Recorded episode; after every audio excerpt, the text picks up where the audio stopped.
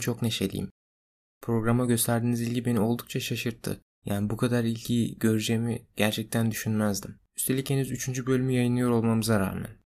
Açıklamalar kısmında iletişim için verdiğim mail adresim şu an patlamış durumda. Gelen mesajlara anında cevap veremiyorum. O yüzden buradan da tekrar söylemekte bir fayda görüyorum. Maillerinize geç geri dönüş yapıyorsam sebebi çok fazla mail gelmiş olması. Gerçekten böyle bir ilgiyi kesinlikle beklemiyordum. Çok tuhaf. Yalan söylüyorum tabii ki. İlgi patlaması falan yok yani. Bir yere kadar rol yapayım dedim ama sonunda içimdeki şey vicdan mı denir artık neyse fırtlayı verdi. Sadece 20 kişi falan dinlemiş programı. Zaten yani program çok dinlensin istemiyorum ki ben. Öyle çok program dinlenmiş o kadar falan. Onlar çok önemli şeyler bir, şey göstermiyor yani. Programın çok dinlenmesi bir şey göstermiyor ki o program iyi anlamına gelmiyor. Program çok. Elit bir azınlığa hitap ettiğimi düşünüyorum. Yani onun onuruyla yaşamak beni daha çok mutlu ediyor. Böyle çok mutluyum yani aslında. Hayır değilim. Şaka bir yana Yine de neşeliyim. Çünkü son zamanlarda çok güzel bir roman üzerine çalışıyorum. Yani yazmaya çalıştığım ve artık sonlarına doğru yaklaştığım bir roman. Konunun sizler tarafından da çalınmayacağını düşünerek ki zaten çok az kişiyiz. Eğer çalınırsa çalanı aranızdan hemen bulurum. Yani konuyu da sizlerle paylaşmak istiyorum çünkü size sonsuz bir güven duyuyorum ve bir insan pıtırcıyım, neşe doluyum. Yazmaya çalıştığım romanın konusu şu, Parasız kaldığı için eşyalarını rehin veren ve sonunda yaşadığı fakirliğe dayanamayıp eşyalarını rehin verdiği kişiyi yani rehineci kadını öldüren bir hukuk öğrencisini anlatmak istiyorum ve bu gencin bu cinayetten sonra kendi vicdanıyla baş başa kalışı ve sonrasında da gelişen olaylar tabii ki bunu anlatacağım. Ne? N- nasıl yani bir dakika böyle bir böyle bir kitap var mı zaten? Hayır. Olamaz. Kötü oyunculuk. Keşke o romanı okusaydım da boşuna bu kadar sayfa yazmasaydım. Yüzlerce sayfa yazdım. Bütün bunları nasıl yapacağız? Bu çirkin örneği ve kötü dramayı bir kenara bırakırsak kitap okumanın bir yazar için aslında sandığımızdan daha kötü sonuçları olduğunu söyleyebiliriz sanırım. Ama bir yazar için okumanın önemine gelmeden önce şu soruya açık yüreklilikle cevap vermemiz gerekiyormuş gibi geliyor. Yani en azından düşünmemiz gerekiyormuş gibi hissediyorum şu soru üzerinde. Gerçekten neden okuyoruz ki?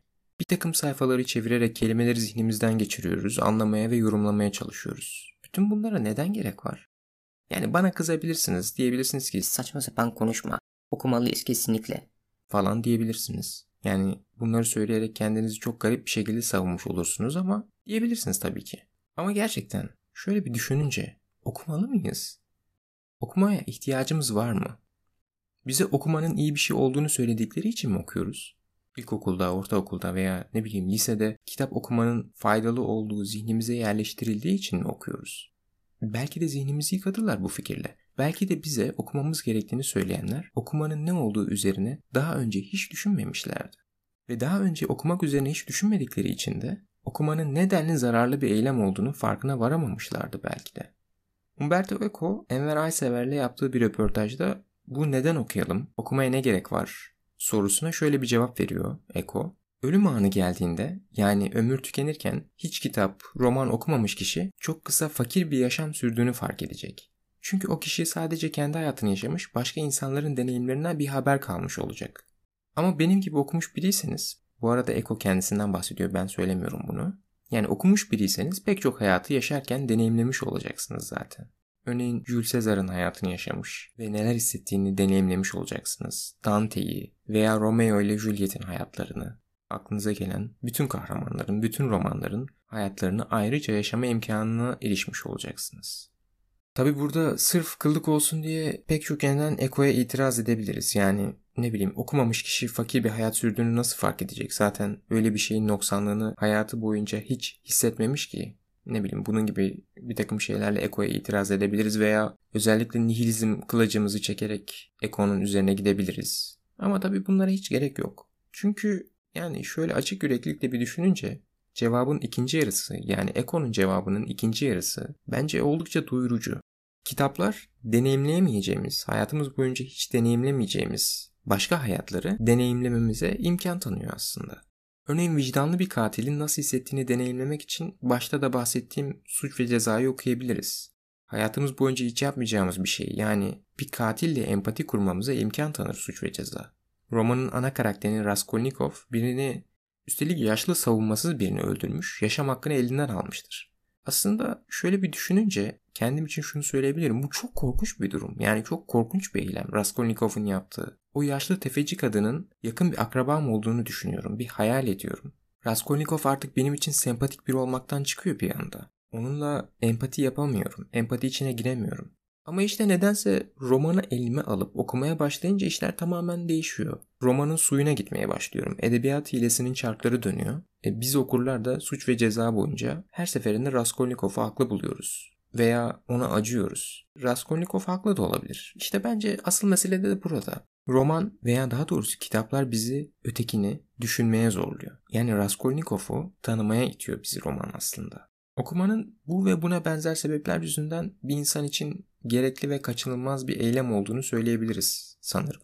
Peki yazarlar için, yazarlar için de okumak gerekli mi?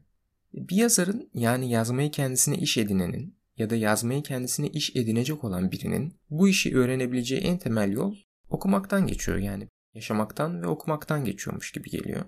Buna benzer bir durum bence doğada da gerçekleşiyor. Örneğin yavru kuşlar uçmayı kendilerinden büyüklerden yani uçmayı bilen birinden öğreniyorlar. Kendilerinden önce uçanları izlemek onları hem yüreklendiriyor hem de o işin nasıl yapılacağına dair tüyolar içeriyor. İlk iş olarak yani kuşumuz kendi stilini ortaya koymadan önce hali hazırda uçmayı öğrenmiş kişilere odaklanıyor. Daha doğrusu hayvanlara odaklanıyor. Ama tabii şu da var. Yani şöyle itiraz edebiliriz. Kuş, yavru kuşu bir yazar adayına benzettiysek şöyle bir itiraz getirebiliriz bu benzetmeye. Ya yavru kuş bir tane kuşu işte anasını babasını görüp izleyip sonra rahatlıkla uçabiliyor. Bir yazarın önünde binlerce iyi kitap var. Bütün bunları okuması gerekiyor. Mu acaba? Yani öyle mi gerçekten? Sonuçta bir tane iyi kitap okuduktan sonra mı yazmaya başlayacağız? Bütün klasikleri okuduktan sonra mı? Yoksa ne bileyim güncel edebiyatı var bunun. Onu mu hatmetmeliyiz? Bir yandan o devam ediyor çünkü bütün hızıyla. İşte bu sadece kurguyla da halledilecek bir mesele değil. İyi bir yazarın kendine ait bir felsefesi olduğunu da görüyoruz. Bunun için felsefe kitapları da okumak lazım. Tarihi, sosyolojisi var öbür tarafta. E, psikolojiyi onu bilmeden zaten karakteri nasıl yansıtacağız? Gerçekten okunacak çok kitap var. Bu çağın laneti mi bu yoksa şansı mı bilmiyorum ama şöyle bir geçmişi düşündüğümüzde Shakespeare mesela kendi zamanında kısıtlı yani gelişmekte olan bir metin havuzuna bırakıyordu yazdığı eserleri. Elbette Shakespeare'in kendi dönemi de dahil olmak üzere o döneme kadar yazılmış kitaplarla içli dışlı olduğunu biliyoruz. Yani en azından Shakespeare uzmanları bize bunu söylüyor. Örneğin İngilizlerin meşhur Shakespeare uzmanı Harold Bloom, Shakespeare'in kendi çağdaşı olan Cervantes'i okuduğunu, onun Don Quixote kitabını okuduğunu iddia ediyor. Ya da tarihe de çok hakim olduğunu biliyoruz Shakespeare'in. Pek çok oyunun doğrudan veya dönüştürülmüş bir şekilde tarihi gerçeklere dayandığını görüyoruz. Ama elbette bu zamana nazaran 500 yıl önce daha 600 mü 700 mü? 400 yıl önce yazılmış, yaşamış olması sebebiyle Shakespeare bizden daha az okuması gereken şeylere sahipti. Yani aslında bizden daha az kitapla haşir neşirdi. Daha doğrusu bizden daha az kitapla haşir neşir olması gerekiyordu. Şimdi binlerce kitap var. Yani sadece bu yıl, bu yılın ilk 6 ayında, 2022 yılında yapıyoruz bu kaydı. Bu 2022'nin ilk 6 ayında yani Haziran'a kadar Türkiye'de çıkmış kitap sayısı 90 bin. Ya elbette diyebilirsiniz ki canım bunların içinde test kitapları var. Çocuk kitapları var, eğitim kitapları var. Hepsini okumuyoruz. Birazcık bir araştırmayla 2020 yılına ait bir veri buldum. Basılan her bir kitap türü ayrı ayrı belirtilmiş bu araştırmada. Yetişkin kurgu türünde Türkiye'de 2020 yılında 15 bine yakın kitap basılmış. 15 bin kitap. Yetişkin kurgu türünde. Ve sadece Türkiye'de. Ki bunun yurt dışısı da var. Bir de hangisi okunmaya değer, hangisi değil diye bir, bir muamma var. Yani işler gittikçe Arap saçına dönüyor. Bunu mu okuyacağım, bunu mu okuyacağım? Şu kitap yeni çıkmış, herkes okuyor. Çok okunanlar var, onları mı okumak gerekiyor? Şimdi burada bence durup bir düşünmek ve karar vermek gerekiyor gibi. Sanırım şunu bütün gönül rahatlığıyla söyleyebiliriz artık. Günümüz yazarlarını okumaya gerek yok. Yok şaka yapıyorum tabii ki öyle bir şey değil. Ama başlangıç olarak Bence daha temel şeyler okumalıyız. Yani bu temel ifadesini klasik diye de değiştirebiliriz. Uçmayı öğrenmeye çalışan kuş örneğine dönersek onun yaptığı gibi önce bir baba anne bulmalıyız bence. Daha sonra hafif hafif uçmaya başlayınca, uçmaya başladıktan sonra yani yazmaya geçince farklı kuşların deneyimlerinden faydalanırız. Ve bunun yanı sıra şöyle bir baktığımızda aslında doğada binlerce uçan hayvan var. Yani sineği var, arısı var, uğur böceği var, karıncası var. E, bir kuşun gidip bunlardan uçmayı öğrenmemesi gerekir. Nitekim kuşlar bile kendi içinde gruplara ayrılıyor. Biz denizde yüzebilen ama aynı zamanda uçabilen bir kuş muyuz? Türümüz ne? Topluluk halinde mi uçmayı seviyoruz, yalnız mı? Yırtıcı mıyız, leşçi miyiz? Yani anne babamızdan uçmayı öğrendikten sonra da kendimize uygun birilerini bulmamız lazım. Her uçan hayvanı örnek almamalıyız belki de. Bir doğanken örneğin gidip leyleklerden uçmak için bir şeyler öğrenmemeliyiz ilk aşamada. Elbette ondan da bir şeyler öğreniriz. Bize katkıları olur ancak önceliğimiz temeli inşa etmek olduğu için leylek burada biraz daha detay kalacaktır. Önce kuş olarak bütün doğanları izlemeli, uçuşlarını çalışmalı ve anlamalı, ardından da başka kuşlara geçmeliyiz ve hatta belki de geçmemeliyiz. Şu an karar değiştiriyorum. Uçuş eğitimimize doğan kategorisini içinde tutmalıyız. Belki bu bizim için daha faydalı olacaktır. Çünkü örneğin bir leyleği anlaması bir doğan için zararlı olabilir pekala. Ne bileyim bizim dengemizi bozabilir.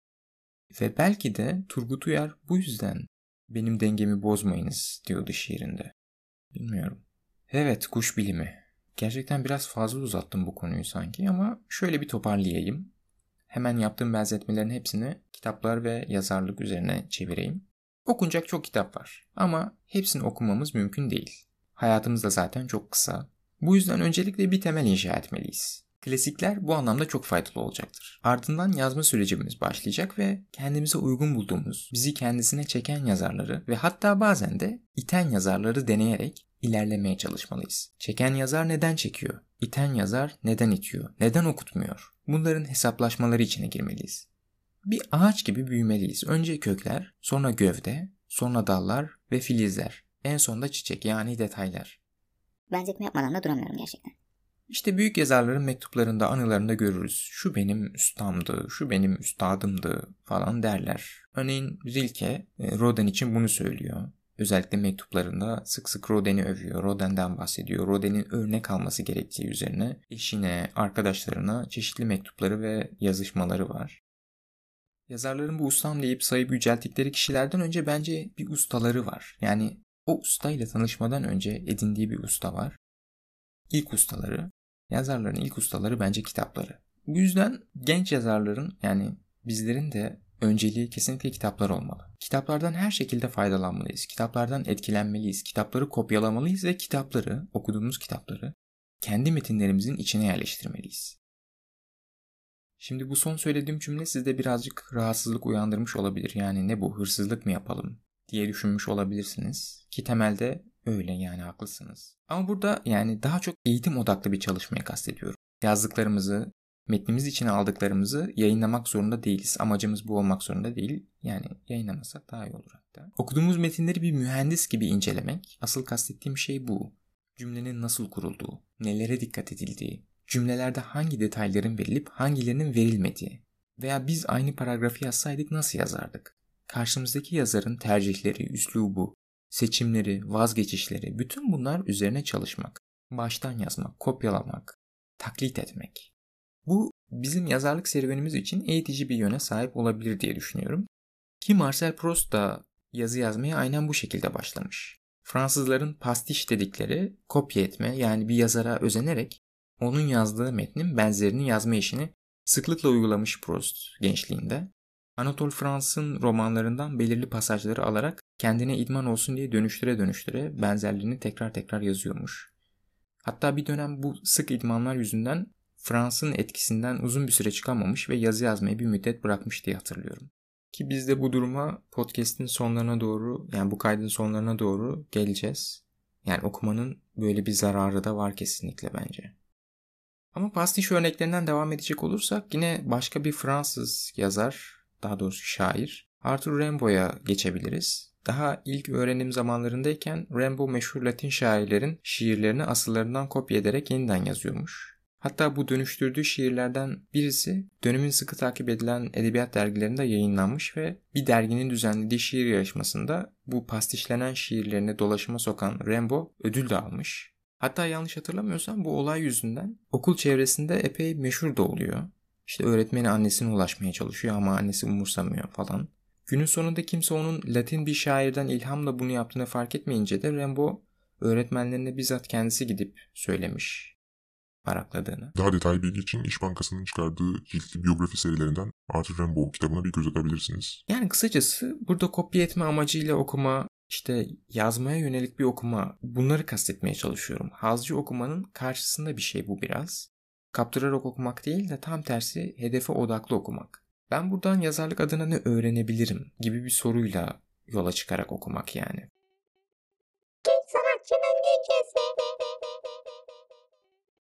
Schopenhauer'un Okumak, Yazmak ve Yaşamak üzerine kitabından bir pasaj hatırlıyorum bu konuyla alakalı. Bu tarz bir düşünerek okumanın önemi üzerine. Yaklaşık şöyle bir şeydi. Kitap okurken gördüğümüz kelimeler kumsaldaki ayak izleri gibidir. Kumsalda yürüyen o kişinin neleri görüp fark ettiğini anlayabilmek için kumsalda yürüyen o kişinin gözlerine ihtiyacımız vardır.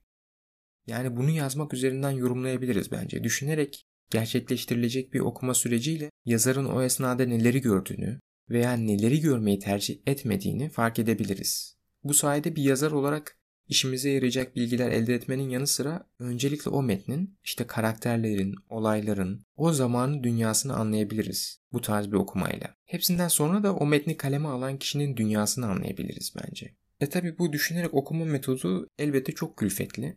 Yani zaman bakımından çok vakit alıcı bir şey. Bu yüzden bence okunacak kitaplar olarak değil de okunmayacak kitaplar olarak ilerlemeliyiz.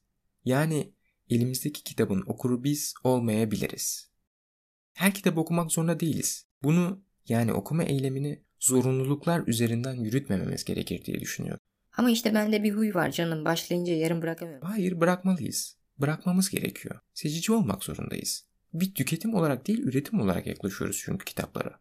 Önüne gelen her undan hamur yapmıyor fırıncı. Kılı kırk yarıyor un alırken. Yani umarım öyle yapıyorlardır. Çünkü ekmek fiyatlarının geldiği noktayı düşünürsek şimdi un için seçici olmanın pek zamanı da değil gibi ama neyse. Yani fırıncı ununu seçiyor. Marangoz tahtasını seçiyor. İşte yazar da kitabını seçmelidir. Çünkü onun içinden bir üretime girecek. Aslında okuduğu kitaplar içinden yazar kendi kitabını yazacak. Yani annem hep şey der. Sen ne yersen olsun evladım. Kitaplar da bence böyle.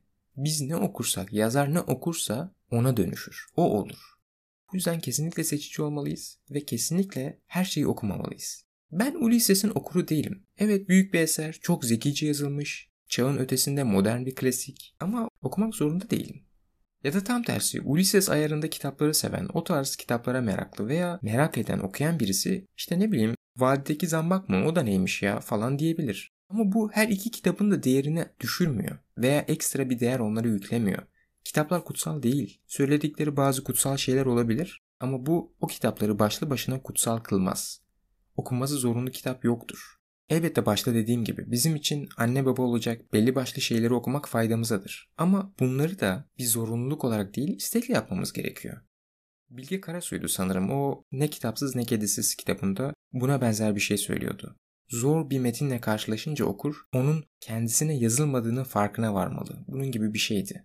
Ben bu metnin okuru değilim. Ben bu metnin okuru değilim. Ben bu metnin okuru değilim. Ben bu metnin okuru değilim. Ben bu metnin okuru değilim. Ben bu metnin okuru değilim. Ben bu metnin okuru değilim. Bunu korkmadan ve utanmadan söyleyebilmemiz gerekiyor. Aslında bunu deyince bir şey kaybetmiyorum da. Veya o metnin okuru olunca da madalya verilmiyor bana. Ama şunu da unutmamak gerekir. Her iyi yazar aslında iyi bir okurdur.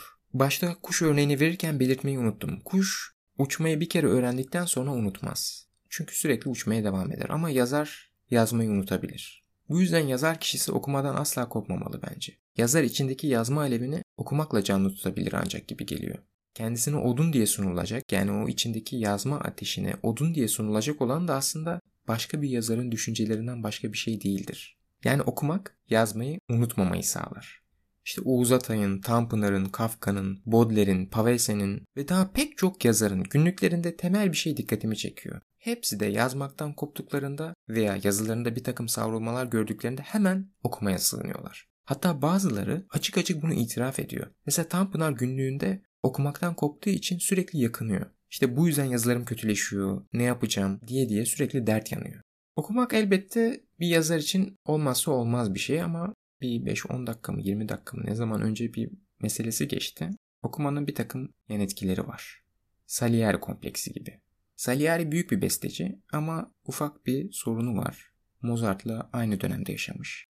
Mozart'tan biraz yaşlı, biraz değil bayağı yaşlı yani. Ve bu genç dehanın yani Mozart'ın küçük yaşıyla yaptıklarını görünce tabii kendisine bakıp içi nefretle, mutsuzlukla ve kinle ve bazen de muhtemelen korkuyla doluyordu. Ben bu yaşıma geldim. Bu ağzı süt kokan bebenin yaptıklarını yapamıyorum. Bu saatten sonra da yapamayacağım. Gibisinden bir takım şeyler düşünüyordu muhtemelen. Bir yazar adayı veya bir yazar olarak kitap okumak bizi Salieri ile benzer bir duruma düşürebilir. Yazdıklarımıza bakıp Benden hiçbir alt olmayacak. veya Ne yazarsam yazayım sonuçta bir yere varmayacağım abi. gibi düşünceler ulaşabiliriz. Yani var böyle insanlar. Mesela bir arkadaşım var, çok yakın bir arkadaşım. Podcast'te konuşmaya şey. Okumak bizi karşılaştığımız şeyin yüceliğini fark ettiğimizde korkuya ve çaresizliğe hatta bazen de maalesef o karamsarlığa, o karanlık yere sürükleyebilir. O zaman şöyle yapalım. Bu ümitsizlik hali üzerine bir dahaki kaydı evet bu ümitsizlik hali üzerine alalım. Ümitsizlik üzerine yazarın çaresizliği, karamsarlığı, çıkmazları üzerine konuşalım birazcık evet. Bu bölümde okumanın öneminden ve bir yazarın neden okumak gibi bir alışkanlığa sahip olması gerektiğinden bahsetmeye çalıştım. Nitelikli bir okuma ile yazarlığımızı nasıl geliştirebileceğimizi, pastiş, parodi veya yeniden yazma gibi etkinliklerle okunan metinler üzerine nasıl bir çalışma gerçekleştirebileceğimizi anlatmaya çalıştım. Yazma eyleminin okumakla beslendiğinden bahsettik. Okumanın bir yan etkisi olarak da karamsarlıktan, ümitsizlikten söz açmaya gayret ettim. Evet, bölümümüz burada sona eriyor. Bir sonraki bölümde görüşmek üzere. İyi günler diliyorum.